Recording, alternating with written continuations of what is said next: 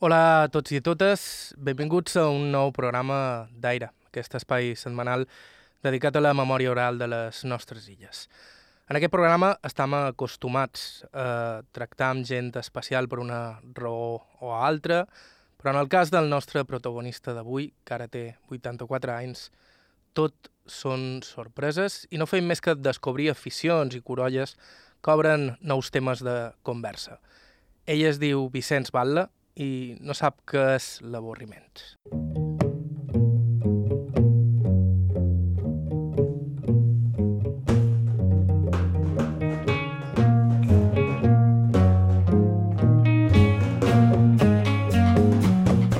Just arribar a casa seva, en Vicenç ens mostra la seva col·lecció de neules nadalenques.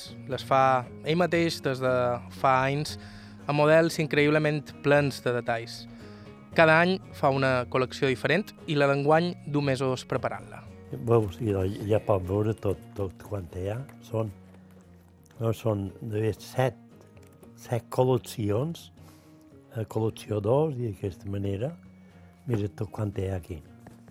I el que hi ha, vaig reteant. Tot això ho guarda aquí a dins. Però a més de les col·leccions de neules, a la seva sala d'estar el que destaca més és un seguit de volums amb noms d'actors i actrius de cinema clàssic, o de sagues com Tarzan, on en Vicenç ha anat reunint milers i milers, probablement milions, de programes de mà, d'aquells que un temps et donaven a l'entrada de les sales o a la sortida promocionant la pel·lícula que es projectaria una setmana abans. I llavors tinc, he format àlbums de la vida de, de, en John Wayne.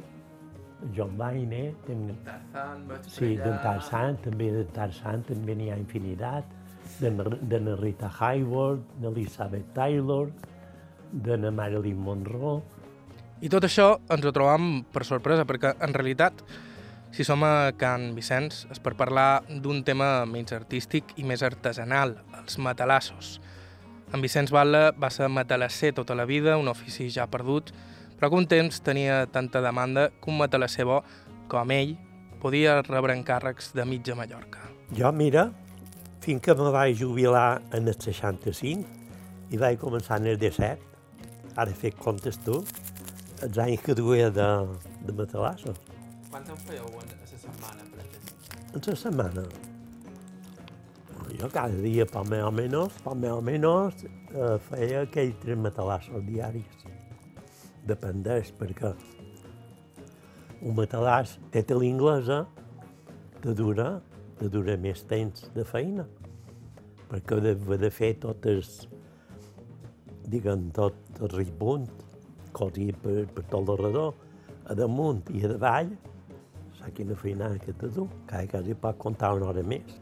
Una feinada que en Vicenç coneix com pocs, així que és una sort haver topat amb ell i poder escoltar com es feien un temps els matalassos de la seva boca. En el programa d'avui hi ha una topada, cinema clàssic i neules. Què més es pot demanar? Estau escoltant Aire a IB3 Ràdio, us parla Joan Cabot. Començam.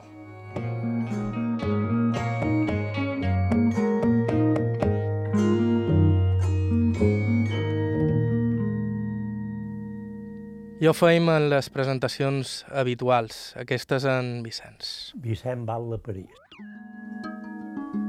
I va néixer fa 84 anys a Inca. Dia 25 d'abril de l'any 1935, a Inca. Eh. A la seva família eren nou germans. Ell era el més gran i son pare feia aigua cuita, una mena de cola animal que elaborava ell mateix. Mon pare, antigament, els mobles, eh, fusters, antes eh, s'empleava, se deia aigua cuita, que se treia, diguem, de, diguem, n'hi havia un tipus que era de coní i l'altre era de, de, de, de carnatge. Quan mataven un animal, s'agafava i se, mon pare, mon pare en aquells entonces era un home, diguem, de pocs estudis, però d'una mentalitat enorme. Eh? Perquè ell formar-se unes, un puestos per caure diguem, la pell de coní o lo del, del coní, per treure la cola, diguem, de, de, de tot això. I se feien unes, neu, unes, unes plaques, podien tenir si un metre al quadrat, eh?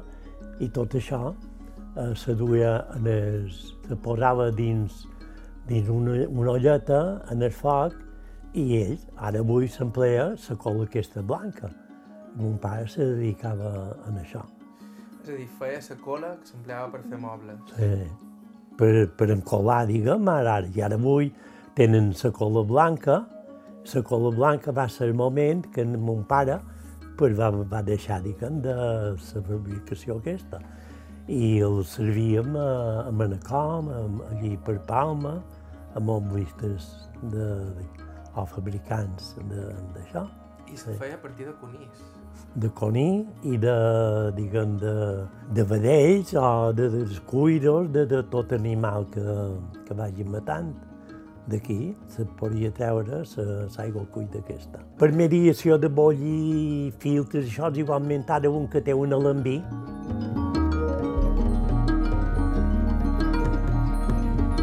S'hi va dedicar molts anys en això de la cola. Sí, això va dedicar bastant d'anys. Ja, ja ho feia, diguem, de, de, de recient casat, i jo me'n record que en aquells entonces, eh, perquè nosaltres som nou germans, eh? i jo me'n record que quan estava per naixement, per quedar amb un pare, perquè ara avui tots els partos se fan, diguem, a, diguem, a, a l'hospital. Però no, un pare, tots varen néixer que nostra. Eh? I ara Vicenç agafa el cavall, el carro, i vés-te'n cap, a, cap a el tren i duten aquest, aquesta, aquest caixó, o que la, feien, diguem ara avui, totes a base de, de cartó. Eh? Aquests envases de cartó quadrats i tot allò, tot ple, diguem, de, de, de, de dalses de, de cola.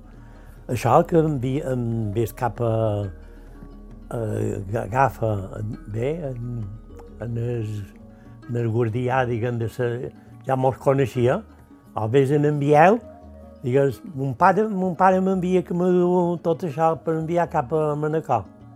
I com que ja hi posaven la direcció, i això va destinat a un fabricant, a un o l'altre, i llavors de tant en tant anàvem a Manacor, i passant per fabricants i eh, m'hauria per tal festa ja l'estic acabant, enviem tantes de caixes de, de cola d'aquesta.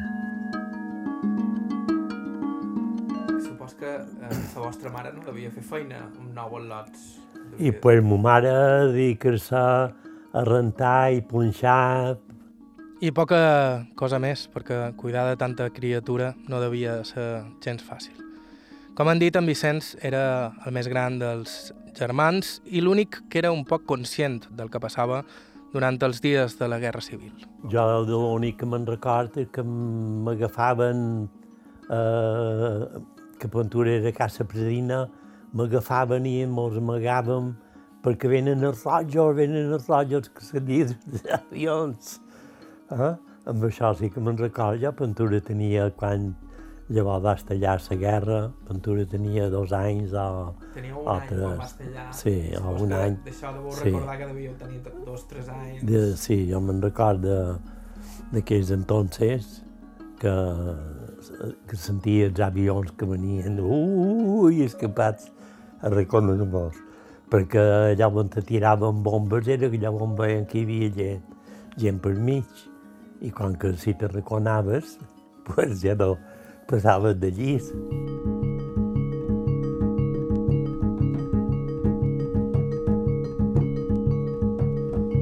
Així mateix, en Vicenç va anar uns quants anys a escola abans de posar-se a fer feina. Tenia bona veu i cantava al cor, però a més d'estudiar sempre havies de donar un cop de mà a la família, sobretot quan era moment de batre o tomar ametles. Sí, jo vaig anar a escola en els, en els germanos, fins que vaig fer la primera comunió, i després de fer la primera comunió tenia un cosí que era capellà, don Vicent Baula.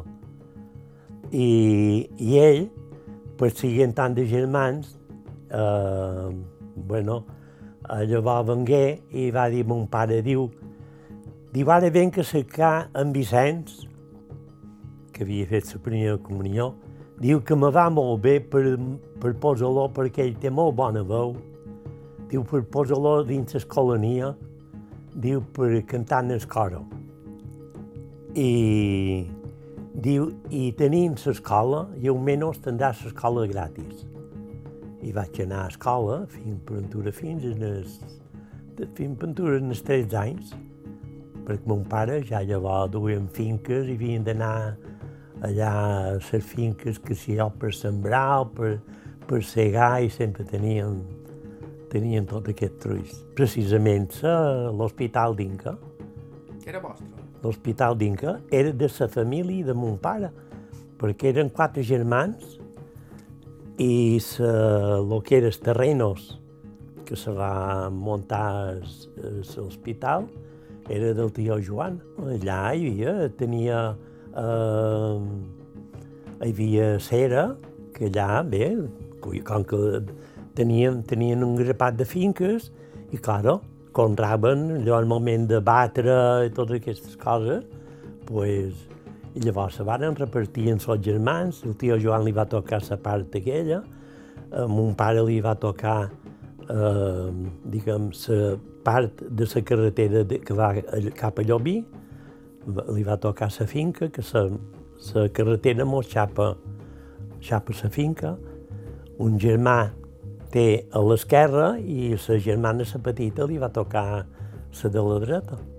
En Vicenç va començar de ben petit a fer feina. Primer una sabateria com a boninquer, però prest el va venir a cercar un padrí jove seu que havia après l'ofici familiar de matalasser. De fet, la cosa a la seva família venia de lluny. I per dins jo te contaré eh, l'ofici nostre de matalasser. Molt bé, saps tu quan van estar expulsats els dominicos, quan van estar expulsats els dominicos, un tio d'Espredí, que diguéssim de son pare, de mon pare, era hermano, no era, no era diguem, dominico, que fos un, que, que diuen missa, Eh? No, ell era hermano. I quan va sortir, pues, tot d'una se va, se va presentar a la família, o va quedar en la família, i el que se va dedicar, diu, jo sé fer tota aquesta feina, se va dedicar a fer matalassos. I d'aquesta manera, ell, el tio, ja va ensenyar un germà de mon pare, un tio que era tio d'Espredí, però, eh? mira tu, els anys, els anys, els anys que mos venien amb això. O sigui que el guió nostre mos venia de, de pintura 200 o 300 anys. No, jo va ser com que te contava que llavors el tio va, va, va ensenyar el, el germà major de mon pare, no? i el germà major era el meu les fonts. I jo, quan, en els 14 anys, ja me vaig posar a una fàbrica de sabates. I per aventura, bé, fins en els 17 vaig anar a una fàbrica de sabates. Fins que llavors es predí, se presenta mon pare i va i diu Vicenç, no comprenc jo com en els fills que tens no venir cap de matalasser. I ell, com que ja era una, una edat avançada, i, i mon pare va dir, jo, diu, en l'edat que si mateix en Vicenç, diu, ne podria aprendre, perquè mon pare era Vicenç, jo també, i el també, d'aquesta manera. I, i res que, eh, mon pare diu, jo, diu, no vull obligar a cap dels al·lots de que tu has d'aprendre de fer això, ni això has d'aprendre de fer això altre. Diu, aquella, aquella idea, eh, Diu, i com que Inca és el que teníem nosaltres, la fabricació de calçats, i qui més qui menys se posava dins una fàbrica de calçats. I mon pare va i diu, jo em parlaré ell. I me diu, mem, diu, ha vengut el teu predí, diu, eh, que hauries d'aprendre de fer matalassos, tu que trobes? Dic, diu, ni se m'havia ocorrit jo a cap moment de pensar la família era ja molt de, de Carme Tolasser. Eh? I res, dic, bueno, dic que en parlarem, dic que en l'home en Jaume, un home que tenia molta, molta clientela, i vaig anar, i me va dir, Vicenç, diu, és una cosa que t'ha dit el dir, diu, jo no te vull dir, diu, com que els dissabtes, diu, no feia feina. Diu, el dissabte, vens, eh, jo te diré, molt vaig matar el puesto, el descavespre, vens allà i, i jo ja tindré les meves, te podré ajudar, te, dona, te deixaré un, un garrot i ja començaràs. Tots dos farem tu per la llana i anirem cosint i d'aquesta manera. I qualque vegada jo me posava a cosir i ell me deia, vinga, jo t'ho faré la llana mentre tu ja te poses a cosir aquest matalàs. Eh? I d'aquesta manera jo n'anava aprenent. Fins que llavors eh, va arribar un moment que ell no sé què li va passar, que se va posar molt malament i em va dir, se me presenta un dia, m'envia a demanar, dic, què passa la Montjaume? Diu, ai, que estic jo del llit, diu, o que no puc sortir de que nostra. Diu, i hauries d'anar a, a tal puesto, diu, a fer un matalar. Diu, perquè fas ton aquella dona que ja havia rentat la tela. Diu, i té el matalar per allà al mig. Diu, i per tot li fa rosa. Dic, ai, la Montjaume, dic, i jo, pintura duc, tres o quatre dissabtes, dic jo que quasi no estic. Diu, però, hombre, tu, tu saps, saps? Digue'm, eh, tu pa ben bé la llana, llavors m'has ajudat, m'has ajudat, eh, digue'm, a compondre la llana ben composta, tu saps que hem de posar la mà per un puesto i per l'altre que estigui ben anivellada. Dic, i llavors, la manera de trebar les teles i te poses a cosir. I jo, per ventura, si empleant dues hores o tres per fer un matalàs, em vaig passar tot el descavespre. Ah? I d'aquesta manera, llavors, pues, llavors, quan, llavors ja vaig anar amb ell, diu Vicenç, diu, ja pots anar a compte teu. Dic, i no, dic, si pintura ho vaig apurar, perquè jo no tinc clientela encara. Dic, si ho vaig apurat, diu, sí, sí, sí, no t'apuris. Ja te diré, vés a la Miquela o vés a tal puesto, i, i vaig a fer un o dos matalassos. I d'aquesta manera eh, vaig començar. Però heu de tenir en compte que llavors no era com ara. Un matalàs durava tota la vida, especialment els bons, els de llana, que cada dos anys tornaves a adobar i molts cops passaven de generació en generació. Perquè una persona en aquells entonces que podia gastar se comprava llana i se feia un bon matalat de llana. Normalment quan casaven un, un fill, ja se n'anaven a, a possessions, més mar de guardar tant de quilos de llana per, per llavors fer matalassos del fill. Arreglaven aquella llana, llavors nosaltres la topaven ben topada i fèiem el matalàs. Eh? Lo que un, quan, um, diguéssim, del palmito, que avui ho trobam per la part de la muntanya de Perpollença o del Cudí, per la Victòria n'he vist molts, d'aquest palmitó, se treia el que és esclí. I d'esclí se feien. Jo he vist moltes de, de xalets a vorera de mà per estar ben fresquet, perquè molt diferent. Geure un matalat de llana te dona una calentor enorme, i en canvi esclí és més fresc. Eh? I doncs, jo anar, eh, diguem, a xalets i a fer matalassos de clí, de, de senyors, que però de, de potentados, perquè ja tenia, tenia clients que eren senyorials, que tenien els de la fàbrica de canxilles d'aquí d'Inca, fàbrica de, de, diguem, de teixits, eh? i doncs jo anava en esport de Pollença i anant, anar allà, eh, Donya Maria, la la senyora eh, era com que entrar dintre meva. I en Vicenç mai li va faltar la feina i sobre matalassos de tota mena i color ens sentirem a parlar en uns segons. Abans però feim una breu pausa. Això és Aire a Ivetres. Ràdio, tornem en uns segons.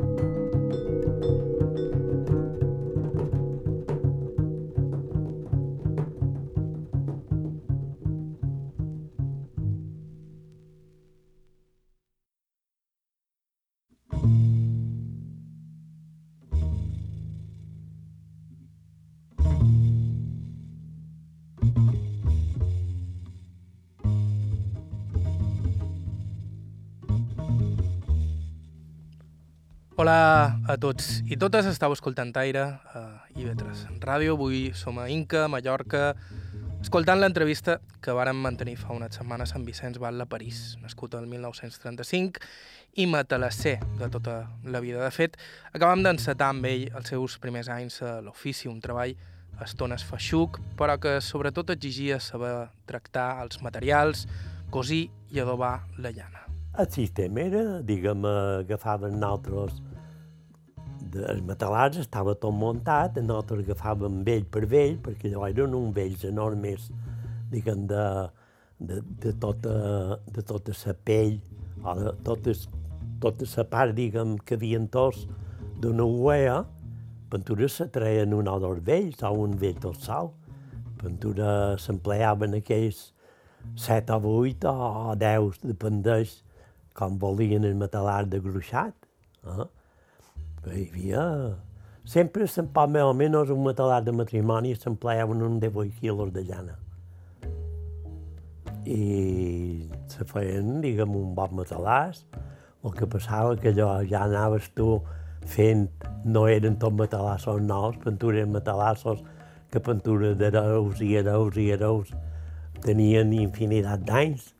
Ja era una cosa de llana petita, molt petita, molt petita, que ja vam haver d'arribar a agafar a, a comprar una màquina per, per escarpir, per aclarir aquesta llana petita.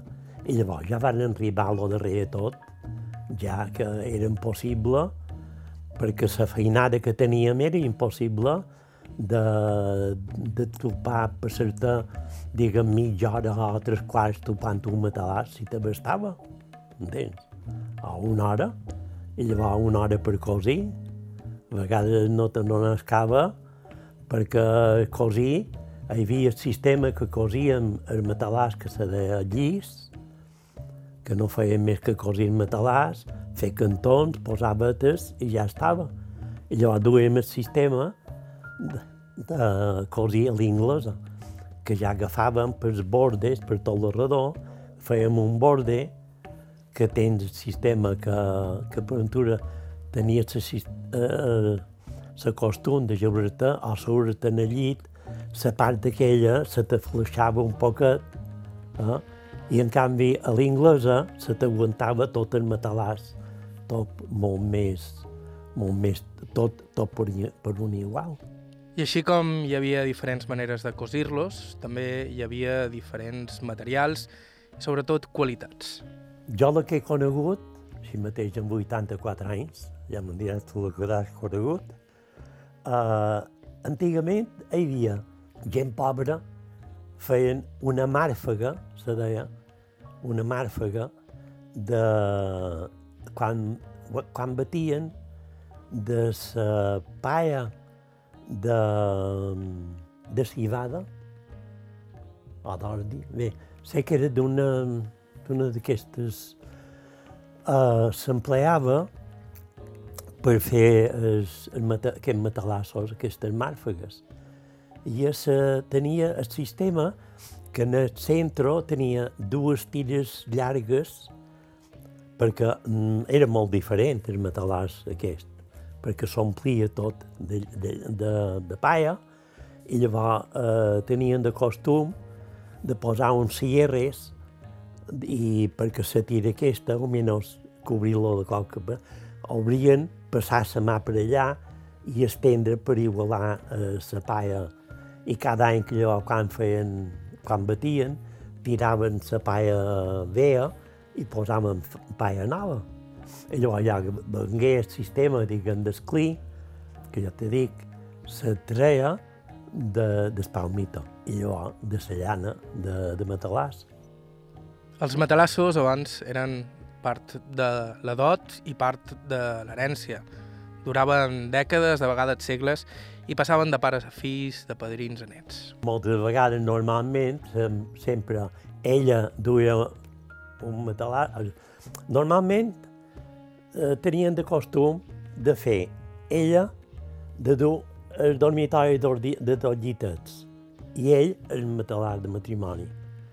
I feia el matalàs de matrimoni, o pentura anava a casa, o pentura a casa de novell i a casa de Salota, perquè algunes vegades eh, un inquero feia matalàs de cinquero i llavors la novia fa de Costitxa o, o de Santa Maria o jo què sé, i anar a fer el matalàs d'ella.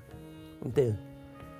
I eh, per natura, a casa seva d'ella no tenien dos bes per, per fer a dos matalassos, i si un cas les feien de clip. O tenien matalassos de que havien heredat i de, dels matalassos de la predina farem els matalassos de la nina.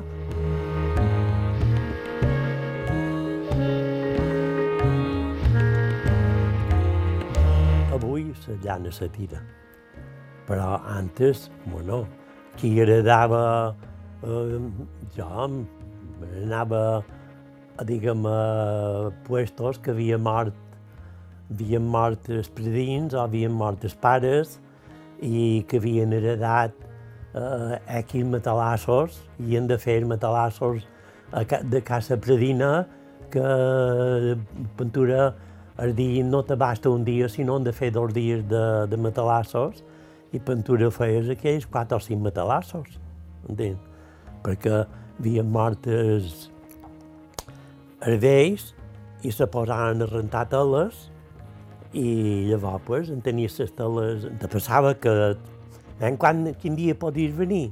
Jo mirava la meva agenda, eh, bé, en temps per pintura per 15 dies, tal fetge, podíem, podíem fer matalassos i tal.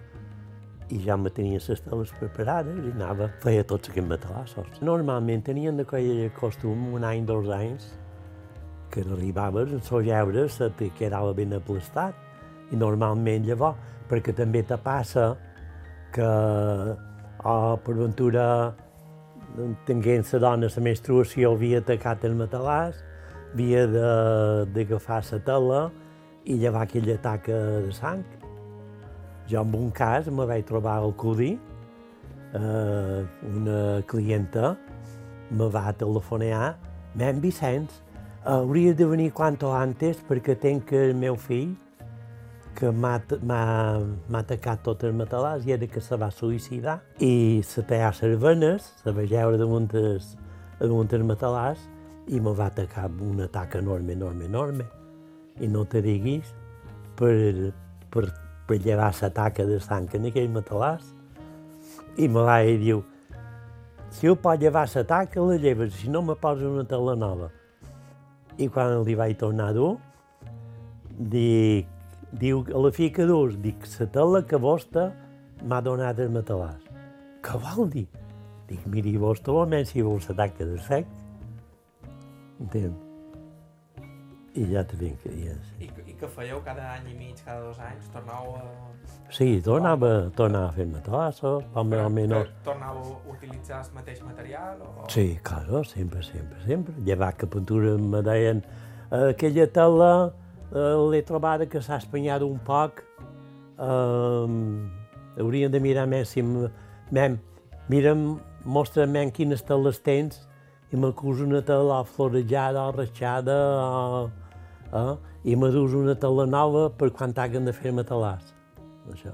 La llana aprofitaven la mateixa. I qualque vegada me deien eh, m'hauria de dur pintura dos quilos de llana per afegir en el matalàs, que ho trob ja perquè cada any no te'n dones compte Eh. entre pols i llavors que sempre el, el vent se t'endú bocinets i bocinets i se t'arriba a, a tornar més petit.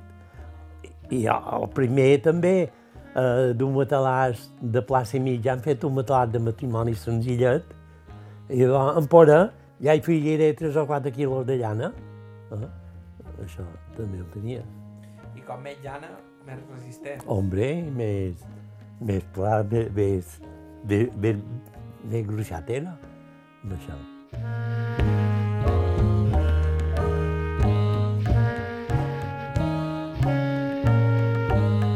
Jo fent matalassos, eh, un dia feia matalassos per Inca i un dia me n'anava a Palloseta o me n'anava a, Man a Mancó o me n'anava a Costitx.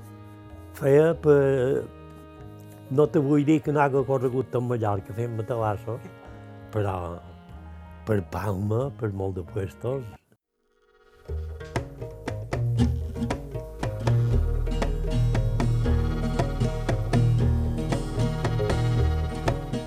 En Vicenç feia tanta feina que va anar-hi involucrant alguns dels seus germans que varen aprendre l'ofici d'ell, tota una nissaga de matolassers. Jo a poc a poc, en els, en els dos germans, les vaig anar ensenyant de, per fer matalassos, perquè tots tres, tots tres fèiem, fèiem feina a una fàbrica de calçats. I jo quan agafaven les vacacions, que tenia, que eren l'estiu i Pentura havien d'anar uh, per veure de mà, xalets i tot això. Bé, ai, Sebastià, uh, podia venir jo i aniríem a tal puesto i faríem aquests matalassos. I fèiem els matalassos d'un puesto i de l'altre. Um, haurien d'anar i d'aquesta manera ho vaig ensenyar. I llavors ja van agafar, com que ja van començar a agafar en marxa, que ja duíem de tot el contorn de, diguem, de Perinca, Saua, Caimari, Moscari, Mancó, Campana, Buja, so, eh, bueno, te podria anomenar infinitat. Eh? I ja mira tu quina marxa havien de dur. Perquè abans anàveu a la casa a fer els matalassos. Però llavors ja era impossible, perquè n'hi havia, perquè tu no saps la polsada que se posava dins una casa, perquè no has fet matalàs, però ja la feinada la medalla, llavors és, diguem, eh, haver de fer la limpiesa, llevar pols de tot això. Perquè, clar, quan topau la llana, supos que sortia de tot allà. Bueno, sí, qualque vegada pixat i tot. Això. sí. I com era lo de topar la llana? Això eh, empleàvem unes vergues que se traien de, de Suastre. Però no era tot, tots els uastres són bons, m'entens? L'uastre, hi ha un uastre que t'explicaria, n'hi ha que eh, el que és a dalt de tot, a la punta, te fa molt de, mol, moltes de sortides, de brotons. I aquesta és molt bona perquè eh, quan vas topant el matalàs s'arriba a esquerdar. S'arriba a esquerdar. I clar, com que té uns nus que te formen de 3 o 4 dits de distància d'una a l'altra, podries tallar un, un bocinet, arribes que el garrot te fa més d'una abraçada. Te pot tenir un metro i pico. I arribes que el, el, el garrot, perquè te passa cada vegada que, que agafes un garrot nou, són calls nous a la mà. I cada vegada que te fas un call nou, són bòfegues. Jo, igualment, aquell que l'havia d'entregalar, o que va, diguem, en els jardins, d'agafar els cavilans, i va tenir la mà ben, entens? I cada vegada que havien de... Procuràvem eh, aguantar el garrot fins, fins que podíem. Entens? I era una feina dura, també. Hombre, sí, arribaves en, en ple d'estiu que, diguem, suava però va ser de bé. I llavors que ja havies de procurar, perquè normalment molts te feien fer els matalassos en el terrat, i en el terrat també a ple de sol, i qualcuna li deia uh, Antonina, uh, vendrem bon de matí prest, antes que surti el sol, eh? a fer que quan tingui el matalàs topat, posa'm a la part de la sombra i posa cosir a la sombra. I llavors eh, a Madó Maria ja hi aniré llavors a pintura a les 10 ja aniré a fer-li eh, el matalàs a ella. Eh? I d'aquesta manera mos repartien, mos repartia les hores.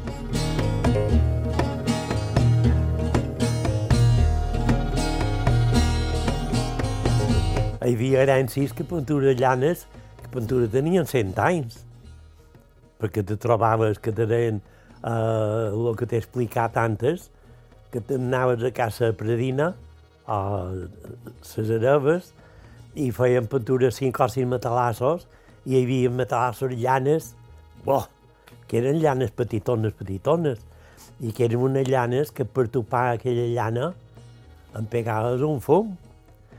I a més, que si tenien de costum, normalment tenien de costum, cada any, cada any, cada any, jo tenia clients que sempre me deien, per d'haver Sant Joan, jo tenia un client que anava jo a veure demà.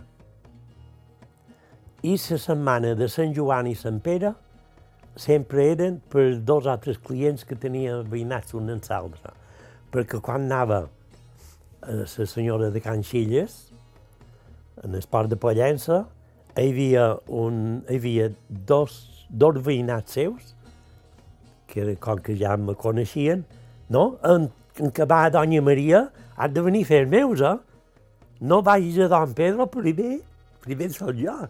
I d'aquesta manera.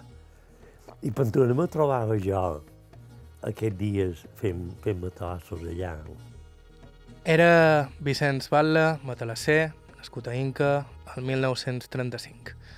Esteu escoltant IB3 Ràdio, això és Aire, fem una breu pausa i tornem.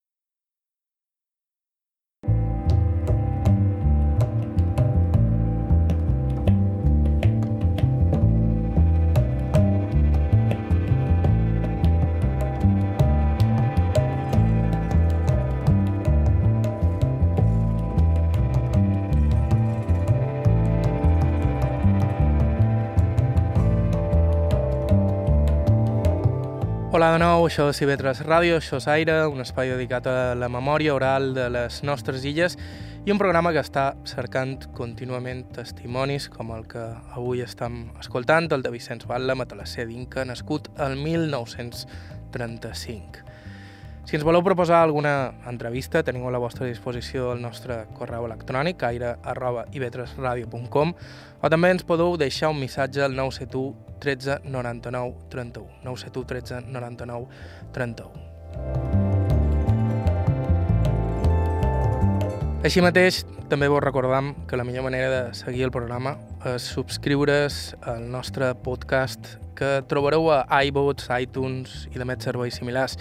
Així mai vos perdreu programes com el d'avui i testimonis tan increïbles com en Vicenç, algú que va recórrer mitja Mallorca fent matalassos, fins i tot protagonitzant alguna anècdota memorable com la que escoltam a continuació. Quan llavors coien les meles, agafaven aquelles, aquelles pells, diguem, de, de la mela, i tot, de tot això se treia una llixivada, eh? Se feien aquestes llixivades. Jo tinc una anècdota, te puc contar, amb un cas que era a Consell, a Costitx, que feia matalassos allà. Precisament era una tia d'Anna Maria Antònia Monà. Eh? Feia feina, o feia matalassos la tia d'Anna Antònia. I, I jo sentia eh, era un carrer que mos venia així i un que mos travessava d'aquesta manera. I jo sentia precisament, sempre me'n recordaré, els dies de Sant Joan. Me'n recordaré que sentia uns candoleres de dones. I jo vaig guaitar. I, i els, els candoleres que feien llores. I llavors vaig, ja vaig, vaig sentir ai, el nin el mort, el nin el mort, el nin el mort. Jo me vaig, me vaig tot sortir i veig com si duguessin un muñeto de trapo, eh, amb aquell moviment. Jo escapat, me'n vaig escapar cap a ell, dic, què passa, què passa? Diu el nin, perquè un abandonat de lo que ven que dir de Llixiu, la predina, una dona molt abandonadota, eh, la nora li va deixar el nin que el guardàs, aquell infant, allà on hi havia Rivell de llixivada que havia rentat, jugant amb aigua, pegar patinada i va caure en sa cara a dins el llixiu aquest. Però bueno, claro, va, va tragar el llixiu. Bueno, jo que vaig pegar estirada les vaig prendre l'infant, ho vaig, vaig demanar una tovallola, vàrem tendre en terra i vaig començar a fer-li boca a boca i jo bufant i tornant a bufar d'aquesta manera fins que l'infant va, va començar a plorar i bé, li vaig salvar la vida perquè i, i, i la tia cada vegada, cada vegada que anava per, per aquella zona que agafava aquell infant i el maduia, va dur dues o tres vegades, dic, dic perdoneu, dic, però deixeu l'infant llibre. Dic, ja està que m'ho duit una o dues vegades, però no hi ha perquè cada vegada li ha hagut de ferrar per borro aquest home va salvar la vida. Entens? I llavors va resultar que agafaren l'infant, el s'endugueren cap a l'hospital i li van fer una limpiesa d'estomac, perquè la cona i quatre va eixivada i devia tenir tot l'estomac tot.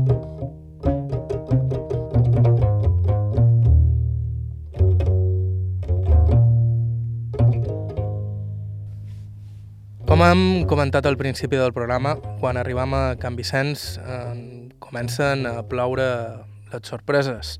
Nosaltres venim a entrevistar-lo com a matalasser, però en Vicenç ens sorprèn primer amb la seva col·lecció de neules de Nadal i després encara més amb una col·lecció increïble de programes de mà de cinema clàssic. Una afició que va iniciar quan era encara un al·lot i que ha mantingut durant tots aquests anys. No, del lotet, quan cantes, eh, te passa que quan sortien de missa de les 12, eh, n'hi havia un que repartia, repartia els programes a la sortida de l'església i repartien els programes. Jo sempre mirava la sortida de l'església. Era una lota que Pentoria tenia 3 o 14 anys, aquella, aquella il·lusió d'aconseguir. I llavors ja vaig tenir un cosí que va entrar de, de porter en, eh, en el teatre principal i jo i eh, resultava que la porteria, quan recollien l'entrada, li, també li donaven un programa de la setmana, setmana banc que venia. La pròxima setmana ja li donaven el programa. I Sebastià m'ha de guardar tots els programes que anava donant. I d'aquesta manera anava aconseguint.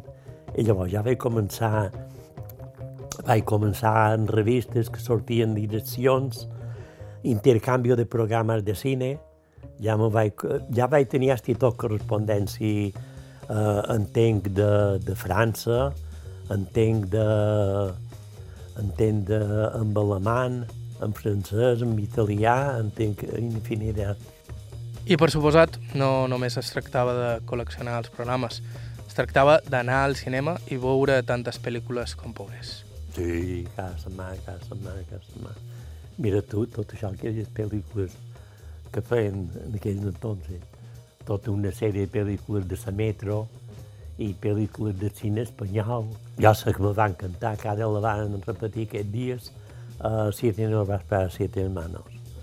Justicia Corsa, que és de, de, de uh, Nestiuara Granger, i llavors també me va encantar. Seré el que el viento el llavor i Mujercitas, aquesta no sé quantes de vegades l'he vista. I quants de cines hi havia aquí? A...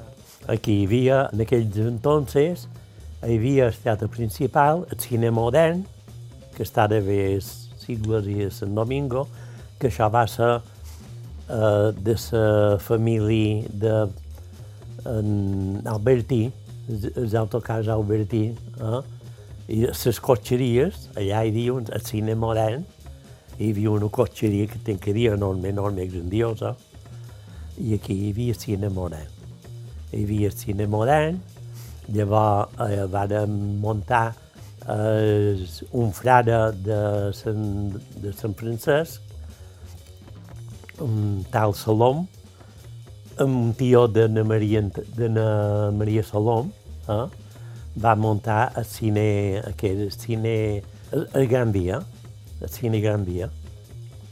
Va muntar aquest cine i, i també molta amistat en, diguem, amb empresaris de cines i quan anaven per contractar pel·lícules ja me demanaven, diguem, programes com me deia Vicenç, he anat a contractar les pel·lícules de, de tal puesto i tinc una, un grapat de programes de la metro o de la IFESA o de la filma, de Filmayer o...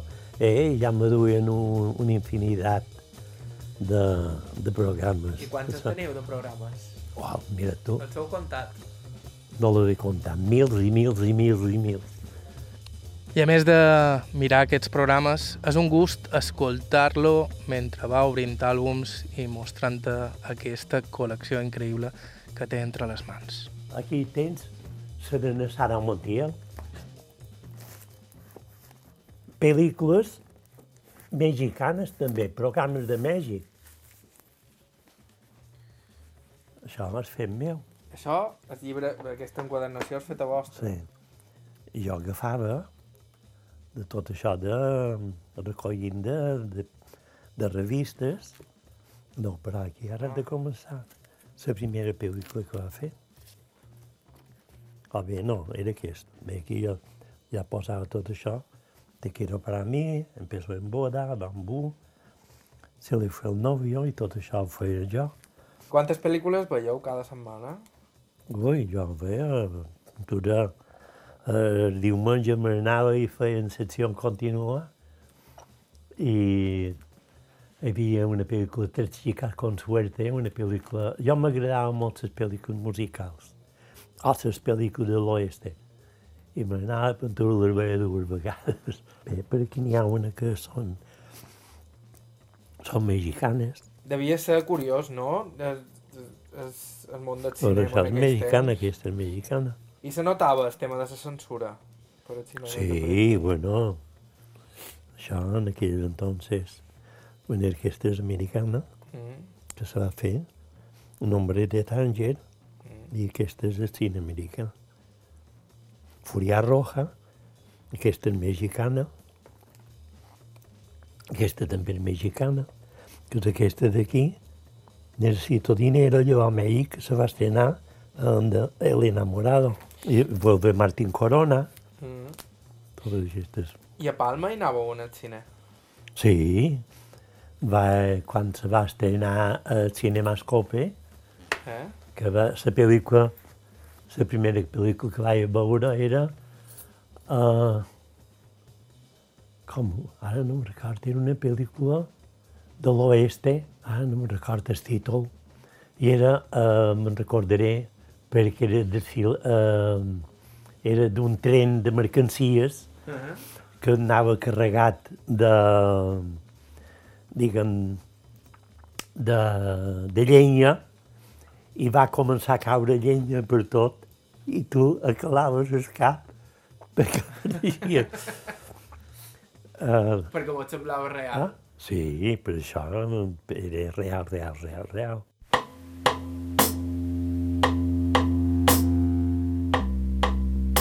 Els meus fills diuen això que no arribarem a fer. I jo només pens això que no se perdi. I de bon de veres que seria una tragèdia que es perdés. Esperem que no es perdi. Fins aquí el programa d'avui. Moltíssimes gràcies a Vicenç Batla pel seu temps i amabilitat i moltíssimes gràcies també a Maria José de Prada, que de nou ens va ajudar en aquesta entrevista. Us recordant que si ens voleu proposar alguna entrevista, ho podeu fer enviant-nos un correu a aire.ivetresradio.com o deixant-nos un missatge al 971 13 99 31, 971 13 99 31. També ens podeu seguir a Facebook i Instagram i si vos voleu subscriure al podcast del programa ens trobareu a iTunes i de més serveis similars.